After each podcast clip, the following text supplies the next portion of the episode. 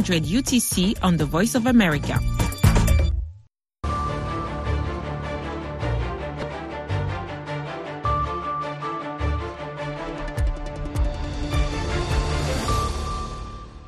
halkani waa washington laanta afka soomaaliga ee idaacadda v o a oo si toosa idinka imanaysa mawjadaha gaagaaban ee lix iyo tobanka iyo sagaal iyo tobanka mitirban iyo boggeena v o a somaly com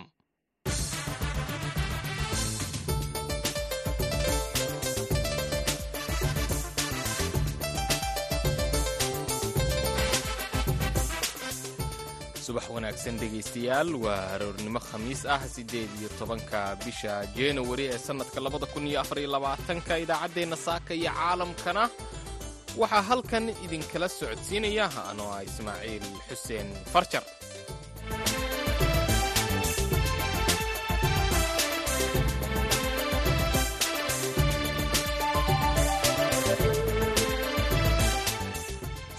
saacadda afrikada bari waxay tilmaamaysaa lixdii iyo badhkii subaxnimo halka ay washingtonna ka tahay tobankii iyo badhkii fiidnimo.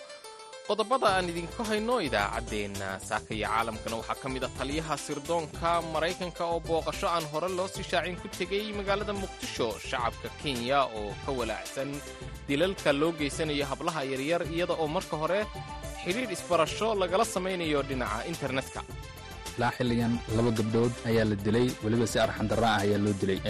Gabadha roysambul lagu dilay ee u dambaysay waa gabar labaatan sana jir ah. Jaamacadda ayay ku jirtay waxaana la sheegay in aabbaheed laga dalbaday lacag gaarayso ilaa shan boqol oo kun oo shilinka kenya ah oo madax furasho ah.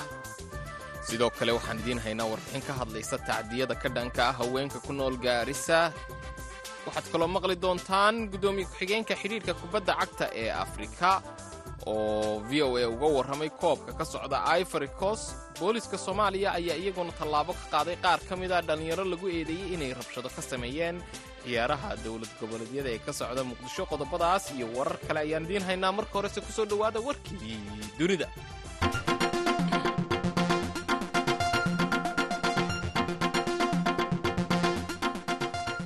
agaasimaha hay'adda sirdoonka ee maraykanka ee loo yaqaano c i a william barnes ayaa shalay booqasho kedis ah ku tegey magaalada muqdisho.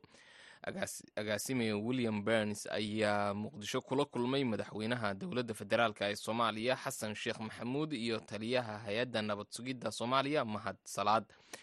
Ilo ku dhowdhow dowladda federaalka ah ee soomaaliya ayaa v o a u xaqiijiyey in booqashada william barn iyagoo sheegay in waxyaabaha ay ka wada hadleen ay ka mid yihiin xiisadda ka dhalatay heshiiskii is-afgaradka ahaa ee dhex maray somalilan iyo etoobiya iyo sida uu amniga gobolka u saameynayo maraykanka ayaa mar kale xuutiyiinta yeman ku daray liiska argagixisada caalamiga ah kadib weeraradii ay ku qaadeen maraakiibta ay isticmaalaysa marinbiyoodka caalamiga ah ee badda cas iyo gacanka cadmeed tallaabadan ayaa imanaysa saddex sano kadib markii maraykanku ay ka saareen xuutiyiinta liiska argagixisada ee maraykanka. Maraykanka iyo dalal kale ayaa si isdaba joog ah uga codsanayay xuutiyiinta yeman in ay joojiyaan weerarada ay ku bartilmaameedsanayaan maraakiibta maraysa badda cas. Hase ahaatee xuutiyiinta ayaan dheg jalaq u siinin iyaga oo sii watay weeraradooda weeraro ay qaadeen maraykanka iyo britain ayaa u muuqda in aanay wax weyn ka bedelin xaaladda kuwaas oo ujeeddadoodu ay ahayd in lagu burburiyo qalabka wax laga hago iyo goobaha laga kiciyo diyaaradaha aan duuliyaha lahayn ee loo isticmaalo weerarada mas'uuliyiinta maraykanka ayaa sheegay in xuutiyiintu ay qaadeen ilaa soddon weerar tan iyo bartamihii bishii noofembar taas oo saameyn ku yeelatay muwaadiniinta iyo gaadiidka badda ee in ka badan konton dal oo caalamka ah. Maraykanka ayaa sheegay in tan iyo markii ay weeraradu bilaabmeen in in ka badan laba kun oo markab ay leexsadeen ama ay ka leexdeen marinka badda cas. Xuutiyiinta ayaa la sheegay in ay halis geliyeen ama ay afduubeen badmaaxayaal u dhashay in ka badan labaatan dal. Dhegeystayaal intaas waxay naga warkeennay dunida haatanna u diyaar garooba qaybaha kale idaacadda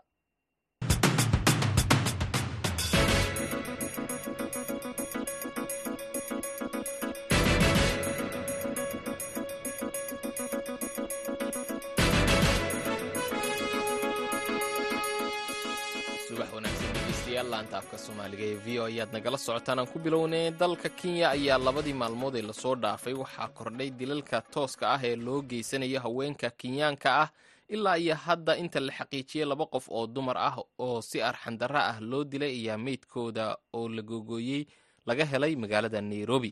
Ciidamada booliska ee kenya ayaa howlgallo ku soo qabqabtay rag lagu eedeeyey inay ka dambeeyeen falalkan lagu bartilmaamidsanayay dumarka kenyaanka ah oo keliya wariyaha v o a khadar maxamuud xareed ayaa warbixintan halkaas ka soo diray falka dilka ah ee ugu horreeyey ee dhacdooyinka naxdinta badan ku abuuray dadka kenya ku nool ayaa loo geystay rita weni oo ahayd arday jaamacadeed oo ku nool deegaanka roysambo ee magaalada nairobi. Meydka rita oo si xun loo jarjaray ayaana laga helay guri ku yaalla deegaanka roysambo dhacdadani ayaa lagu geystay guryaha la dego ee internetka laga kiraysto ee loo yaqaano ee ah b n b dhacdadan ah in la dilo haddana la jarjaro meydka rita ayaa naxdin iyo walwal badan ka dhalisay gudaha dalka kenya waxaana la arkayey kenyaanka oo baraha bulshada iyo warbaahinta gudaha waddanka ku soo bandhigaya sida ay uga xun yihiin iyo carada ay ka qaadeen dhacdadan. Waxaynu arrintan aynu wax ka weydiinay anas maxamuud cabdulaahi oo ah wariye ka howlgala warbaahinta waddanka kenya. Ilaa xilligan laba gabdhood ayaa la dilay weliba si arxandarra ah ayaa loo dilay. Gabadha roysambul lagu dilay ee u dambeysay waa gabar labaatan sana jir ah jaamacadda ayay ku jirtay waxaana la sheegay in aabbaheed laga dalbaday lacag gaarayso ilaa shan boqol oo kun oo shilinka kenya ah oo madax furasho ah laakiinse markii dambe waxaa dhacday in la dilay gabadhii ka horreysay iyadana ee la dilayey waxaa la sheegay in meydkeeda la jarjaray oo bac lagu riday waxaana laga helay ama laga soo saaray qolkii ay iskula jireen ninkaas sii dilay. Gabdhahan waxaa la sheegaa in internetka laga shukaansado lacago badan ayaa loo diraa si markaasi loo qanciyo oo loo soo jiito. Waxaana la geynayaa qolalka air b n b loo yaqaano. Waa qolal dhammaystiran oo fadhi leh oo jiko leh oo jiif leh. Halkaasi markay isugu yimaadaanna waxaa la sheegaa in gabdhahan halkaasina lagu dilo. Gabadhan u dambeysay xaafadda roysambo ee magaalada nairobi lagu dilay ee labaatan sano jirka ah waxaa warbaahinta ay tabisay in qoyskeeda ay u sheegtay in ay booqanayso qof ay qaraabo yihiin. Ha yeeshee qoyskeeda ayaa waxa ay xaqiijiyeen in ay been u sheegtay waxaana meydkeeda iyadii oo si xun oo arxandarra ah loo dilay ay heleen. Dadka u dooda xuquuqda aadanaha ee dalka kenya ayaa dowladda ku dhaliilay in ay ka gaabiyeen inay ka hortagaan falkan. Hase yeeshee dowladdu waxay sheegtay inay weli wado baaritaano ku aadan sidii ay gacanta ugu soo dhigi lahayd dembiilayaashii falkan ka dambeeyey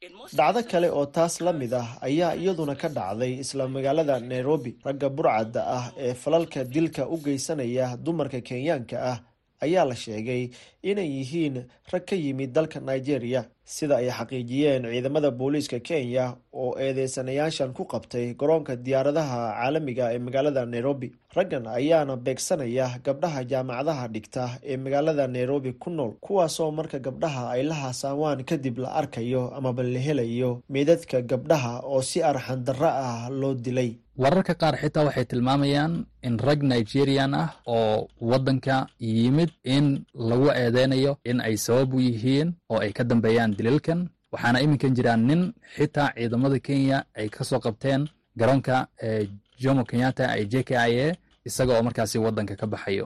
Ilaa xilligan dowladda kenya waxa ay qaaday tallaabooyin ay uga hortegayso falalka caynkan. Waxaa ka mid ah in qolalkan qof kasta oo doonaya inuu kiraysto in kaarkiisa aqoonsiga ee i d-ga uu soo bandhigo iyo weliba in qolalkan dhismayaasha ay ku yaalaan lagu xiro kamerooyinka c c t v-da si loo ogaado shakhsi kasta oo halkaasi gelayo kana soo baxayo. Inkastoo shacabka kenyaanka ay dalbanayaan in la soo saaro awaamiir dheeraad ah oo lagu hortegayo falalka caynkan islamarkaana lagu ogaan karo dadkan dilalkaasi ka dambeeyo. Waxaana jira rag loo haysta dilalkan oo ciidamada booliska ay sheegeen in baaritaano ay ku hayaan. Waxaana jira rag kale oo iyagana sida ay boolisku sheegeen lagu raad joogo islamarkaana la raadsanayo oo la tuhmayo in ay qayb ka yihiin raggan isku xiran ee ka dambeeya dilalka caynkan. Dhacdooyinkan argagaxa leh ayaa imaanaya xilli dhowaan ay kenya fududaysay dalkugalkeeda dalkuna ay ku soo qulqulayaan dadyow kala duwan oo daafaha caalamka ah ka kala imaanaya. Khadar maxamuud xareed v o a nairobi. Weli wararka kenya ayaan ku jirnaayay waxaa sare u kacay tacadiyada ama tirada kiisaska kufsiga ee ka dhacaya gobolka waqooyi bari ee kenya xilli ay dacwado kala duwan oo arrimahaas la xidhiidha ay hor yaalaan maxkamadaha gobolka ayaa haddana waxaa hareer socdaa in odayaasha dhaqanku ay maxkamadaha hareer wadaan nidaam kale oo ay doonayaan in ay kiisaska kaga saaraan maxkamadaha oo ay ku xalliyaan xeer dhaqameed. Wariyaha v o a gaarisa maxamed faarax shire ayaa warbixintan ku eegaya wajeer gaariso weeye goobaha ugu faraha badan ee haatani kufsiga carruurta uu ka socdo. Xaalado adag ayaana haatani ka soconayo. Dadaalo kala duwan oo dowladdu haatan ay gacanta ku haysane dhammaantood waxay isku bedelayeen kuwa intooda badan gacanta u galo odayaal dhaqameedyo. Degmada habasweyne waxaa ka dhacay kufsi. Dhaxdintiisa leh taasoo loo geystay gabar saddex nin oo ka mid a dadka deegaankuna hal maroo keliya ay wada kuufsadeen booqasho uu ku tegay isbitaalka guud ee degmada habasweyne mudanaha degmadaasi laga soo doorto mudane maxamed cadow ayaa waxa uu sheegay in falkani uu yahay mid naxdin leh.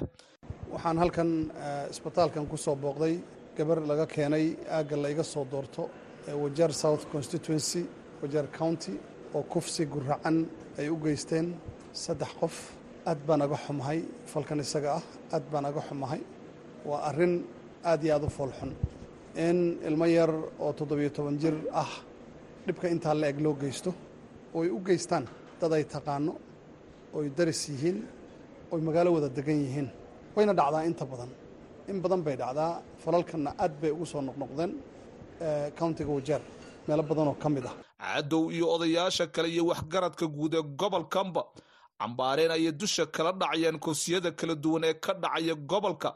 Qaylidhaan fara badanna ayaa ka soo yeerayso ururada kala duwan ee xaquuqul insaanka u ololeeyo ani waxaa la yidhaha axmed kutaab cabdi odayaashii wajeeraan ka mid ahay dad dambiiliyaal leh oo lagu sheegay inay yihiin saddex ruux iskugu tageen gabarh soomaaliyeed.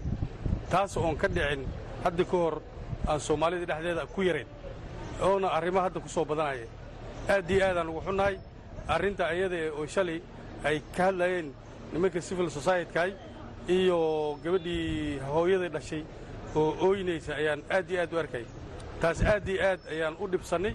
Dhankeeda gaariso waxaa ka soconaya kulamo kala duwan oo loogu talagalay in looga hortago dhacdooyin halis oo haatani ka jira gaarisa maxkamadaha sare dalkani kenyana ay diiwaan geliyeen ciidamada booliiskuna ay sheegeen in xilli walbo dhacdooyinkaasi markaay dhacaan ay gacanta ku soo dhigaan dambiilayaashu.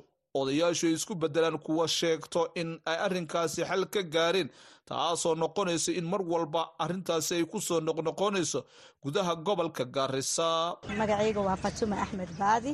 La shaqayso qolooyinka u ololeeya xuquuqda insaanka. Marka waxaan horta u wacyigelinaynaa arrimahanayto hadda loo geysanayo oo gabdhaha yar iyo la xoogaayo horta dadweynihii anaka maadaama aanahay dadka u ololeeya xuquuqda insaanka dadweynihii horta maxaan u sheegaynaa inay horta gabdhihii markay arrimahan oo kale ay dhacaan. Soomaali baana mogta kac soo qabayso kacis dhaq baan dhahnaa inay horta gabdhihii dharkii iyo wixii meejaas meeshii waxa ka gaari iyo aan la dhaqan sidii lagu heli lahaa evidenceski iyo lagu heli lahaa cadaymihii inay horta ay ka dhaqin muddo toddobaatan iyo laba saacadood gudahood baa la rabaa. Wixii evidenceski afka qalaad lagu yidhaahdo inay lagu helaa la rabaa. Marka inay dadka ay soo report gareeyaan isbitaallo alla isbitaallada nagugu dhow. Badanaa waan dhahnaa booliista hala tago laakiin booliista inay kugu fogtaa laga yaaba arrimahan oo kale hadday dhacaan. Soo bax isbitaalladii tag isbitaalladii dad baa fadhiya. Hadda gaarisa p j hadaa tagtid gender desk desk la dhahayaa jirta. Gender deskaaseeto maxaad ugu tegaysaa takhtariina fadhiyaan. Dad ka socdo hay'adaha hay'adaha aan dowliga ahaynaa jiraan oo arrimahaaseeto u joogaan. Marka arrimahana way soo bateen.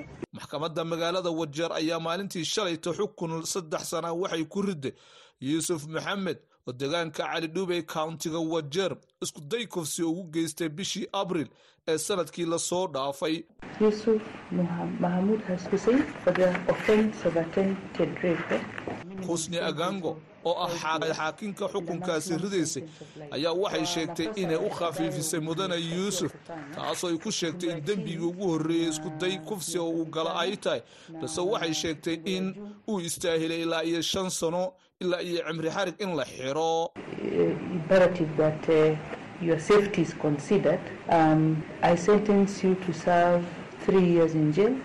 hogaamiyaasha gobolkani ayaa walaacii ugu faraha badnaa. Haatani ka muujinaya xaaladda kufsiga kala duwan ee gobolkani. Haatani ka jirto cadowna waxa uu ka codsaday mas'uuliyiinta ugu sarreysa dhanka amniga. In gacanta lagu soo dhigo cid walba oo kufsi ka geysata degmooyinka kala duwan ee countiga wajeer iyo guud ahaan gobolka waqooyiga bariya dalka kenya. Haddii aan ahay mas'uulka wajeer south ama xildhibaanka wajeer south waxaan rabaa inaan u sheego cid walba oo fal noocan oo kale isku daydo inaan la dagaalami doonno oo aanan marnaba aanan mataqaanaa oggolaanaynin in gabdhaha yaga qiimaha badan kufsigan lagula kacay uu sii socdo. Ama ammaanka waxaan ugu baaqaynaa mar kale inay gacanta ku dhigaan isla markaana maxkamad hor keenaan cid allaale iyo ciddii ku lug lahayd falkan isaga ah. Waxaanan ugu baaqayaa waalidiinta in aynan aynan oggolaanin waxaan oo kale inay agtooda ka dhacaan ka qayliyaan ka buuqaan. Dhaqanka soomaalida oo inta badan ah in maxkamaduhu had iyo jeer ay xurmeeyaan laamaha amniguna intooda badan ay yihiin kuwa ay ogol yihiin in bannaanka xaaladaha kala duwan lagu soo xaliya ayaa sabab u ah in kufsiga gobolka uu ku soo bato culummadana baaq ayaa loo diray. Magacayga luqmaan waaye waxaan nahay odayaasha wajeer anigu waxaan nahay dad muslin ah. Xoogitaankan waa xaaraan wajeer culum ay leedahay. Inay culummadan qodob ka soo saarta ay fadhiistaan xoogitaankan waa heri waaye.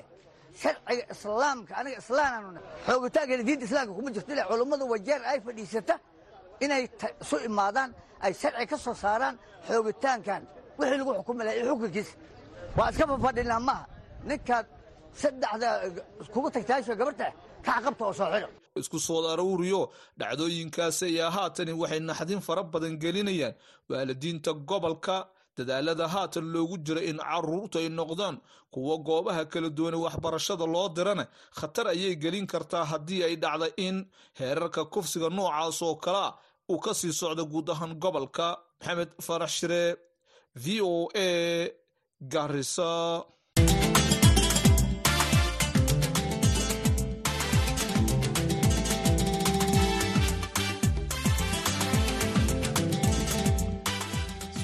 wanaagsan dhegeystayaal laanta afka soomaaliga ee v o ayaad nagala socotaan. Dalka ivory coast waxaa ka socda ciyaaraha qaramada afrika halkaas oo ay ka qaybgelayaan ilaa afar iyo toban ama afar iyo labaatan xul aan idhaahdee. Mas'uuliyiinta koobkan dusha kala socota waxaa ku jira suleymaan xasan waaberi oo ah guddoomiye ku-xigeenka xidhiirka kubadda cagta ee afrika ahna guddoomiyaha xidhiirka kubadda cagta ee jabuuti sidoo kale waxaa garsoorayaasha ciyaaraha qaarkood dhexdhexaadinaya ka mid a laba garsoore oo kala dhashay soomaaliya iyo jabuuti koobka qaramada ee qaaradda afrika ayaa ka bilowday bishan januari saddex iyo tobankeedii dalka ivory xilli uu xulka senegal uu gucle ugu jiro in uu sii xejisto koobka oo ay markii hore qaadeen senegal oo koobkan haysatay muddo laba sannadood ah ayaa ka mida shan iyo tobanka dal oo koobkan hore ugu guulaystay laga soo bilaabo sannadkii kun sagaal boqol iyo toddobiyo kontonkii. Ilaa afar iyo labaatan dal ayaana sannadkan iska soo xaadiriyey inay ka qayb galaan koobka qaramada ee afrika kuwaas oo loo qaybiyey ilaa lix kooxood oo min afar dal ah taasoo ay wareegga xiga u gudbayaan labada dal ee ugu dhibcaha sarreeya koox kastii shalay waxaa wada ciyaaray xulalka morocco iyo tanzaniya halkaas oo xulka morocco uu saddex iyo eber kaga badiyey xulka tanzaniya inkasta oo xulka tanzaniya laga saaray mid ka mid a ciyaartoydooda kadib markii la siiyey kaadhka cas sidoo kalena xulalka democratic republic of congo iyo zambiya ayaa ismari waayey kadib markii ay ciyaartoodu ku dhammaatay barbardhac ama hal iyo hal.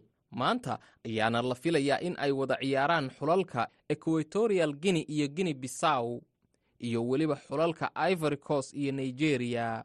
Haddaba sannadkan maxaa ku cusbaa koobkan sida xiisaha leh uga socda ivory coast? Waa kan sulaymaan xasan waaberi oo guddoomiye ku-xigeen ka ah ururka xidhiidhka kubadda cagta ee afrika islamarkaana ah guddoomiyaha xidhiidhka kubadda cagta ee jabuuti wuxuuna khadka iigu warramay xilli uu ka soo baxay ciyaartii dhex maraysay morocco iyo tanzaniya waxa weeye iminka inaa sanadkan xagga social mediada xagga baraha bulshada kaafka aad iyo aad bay isticmaalaysaa maaragtay waxa laga xiyo xaggaa baa laga socdaa maadaama t v-ga caadiga inta argaadyada ka sii baxayso annaguna waxaan garanayna maaragtay xagga social media xoga saarno kolka aad iyo aad bay wanaga fikirka marka aan ka dhignay markii ugu horeysay maaragtay inaad cup laga iibsado bilowgii ciyaaraha koobka qaramada qaaradda afrika ayaa la sheegay inay jireen caqabado dhinaca ka qaybgalka dadweynaha ah.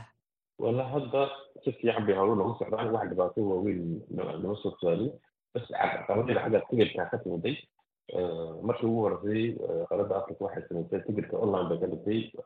Waxaa lagu iibsanayay maaragtay internetka laga iibsanayay. Dad tigirada balaysay waxaa ugu horeeyaan maraykanka faransiiska wadana yurubka ugu horeeyaan kolkaas saa daraadeed inay garoodii baxsaan bahayd laakiin dad tigirada iibsaday ayaa barna ka soo barna ka soo iminka kolka garoonada yar faa noqday insha allah laakiin shalay maanta aad bay buuxaan xal baa loo helay intaa yar maana wax kaloo inta xabsami xabsamida u socdaan wax baanta oo iminka waaweyn uga dhacday ma jirto evercoasna aad iyo aad bay suu taxaluushay si afkan wanaagsan u qaban lahayd oo taariikhda gala ilaalinka ahaan wax dhibaata oo caqabadana soo kurjaala ma jirto. Waxaa shalay soo gabagaboobay is-araggii ugu horreeyey ee xulalka ka qaybgelaya tartanka. Maantana waxaa bilaabmaya is-araggii labaad ee dalalka ku wada jira hal koox ama hal guruub waxaa jira garsoorayaal soomaali ah oo dhexdhexaadinaya ciyaaraha sida uu v o a u sheegay guddoomiye ku-xigeenka xidhiidhka kubadda cagta ee afrika saleebaan xasan waa beri waxa weeye afkonka qabtay cameroon kow laatankii garsoore hadda calaamado jabuuti ayaa ku jiray. Maanta alxamdulilah nasiib wanaag waxaa ku jira garsoore calaamado jabuuti iyo garsoore soomaaliya. Oo shalay uu qabto ciyaarta tunisia iyo maaragtay iyo namibia iyo qabto garsooraha soomaaliya.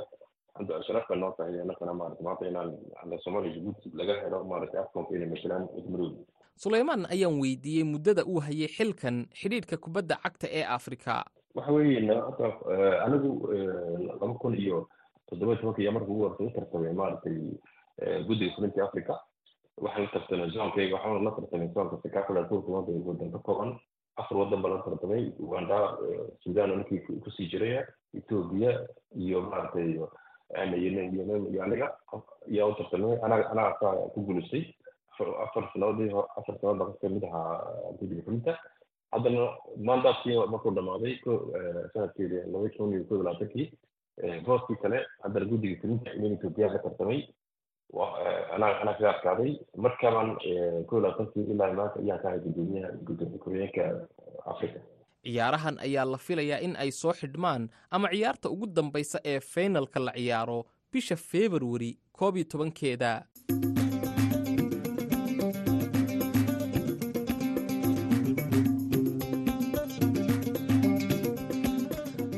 wanaagsan dhegeystayaal gebagabada idaacadda ayaan ku sii siqaynayay booliska soomaaliya ayaa sheegay in xabsiga la dhigay. Dhalinyaro lagu eedeynayo inay ku lug lahaayeen rabshadihii waxyeelada geystay ee lala beegsaday gaadiidka ay saarnaayeen ciyaartooydii koonfur galbeed. Warbixin arrintaas ku saabsan waxaa inoo haya wariyaha v o a mahad cali xidir tartanka ciyaaraha maamul goboleedyada iyo gobolka banaadir oo hakad galay tan iyo labaiyo tobankii bishan janaayo oo ah jimcadii la soo dhaafay ayaa markii ugu horreysay waxaa ka hadlay booliiska soomaaliya oo sheegay in dad badan loo soo xoreeyey weerarka lagu qaaday baskii ay saarnaayeen xidigaha koonfur galbeed. Afhayeenka ciidanka booliiska soomaaliyeed saadiq doodisho oo warbaahinta kula hadlay muqdisho ayaa sheegay in dhowr iyo toban qof loo soo xoreeyey weerarkii loo geystay xulka kubadda cagta koonfur galbeed oo markii dambe sababtay in ay ka baxaan ciyaaraha dowlad goboleedyada iyo gobolka banaadir afyeenka ciidanka booliiska soomaaliyeed ayaa shaac ka qaaday in dadkan ku eedeysan falka lagu weeraray ciyaartoyda koonfur galbeed. Dhowaan la soo taagi doono maxkamad sida uu hadalka u dhigay.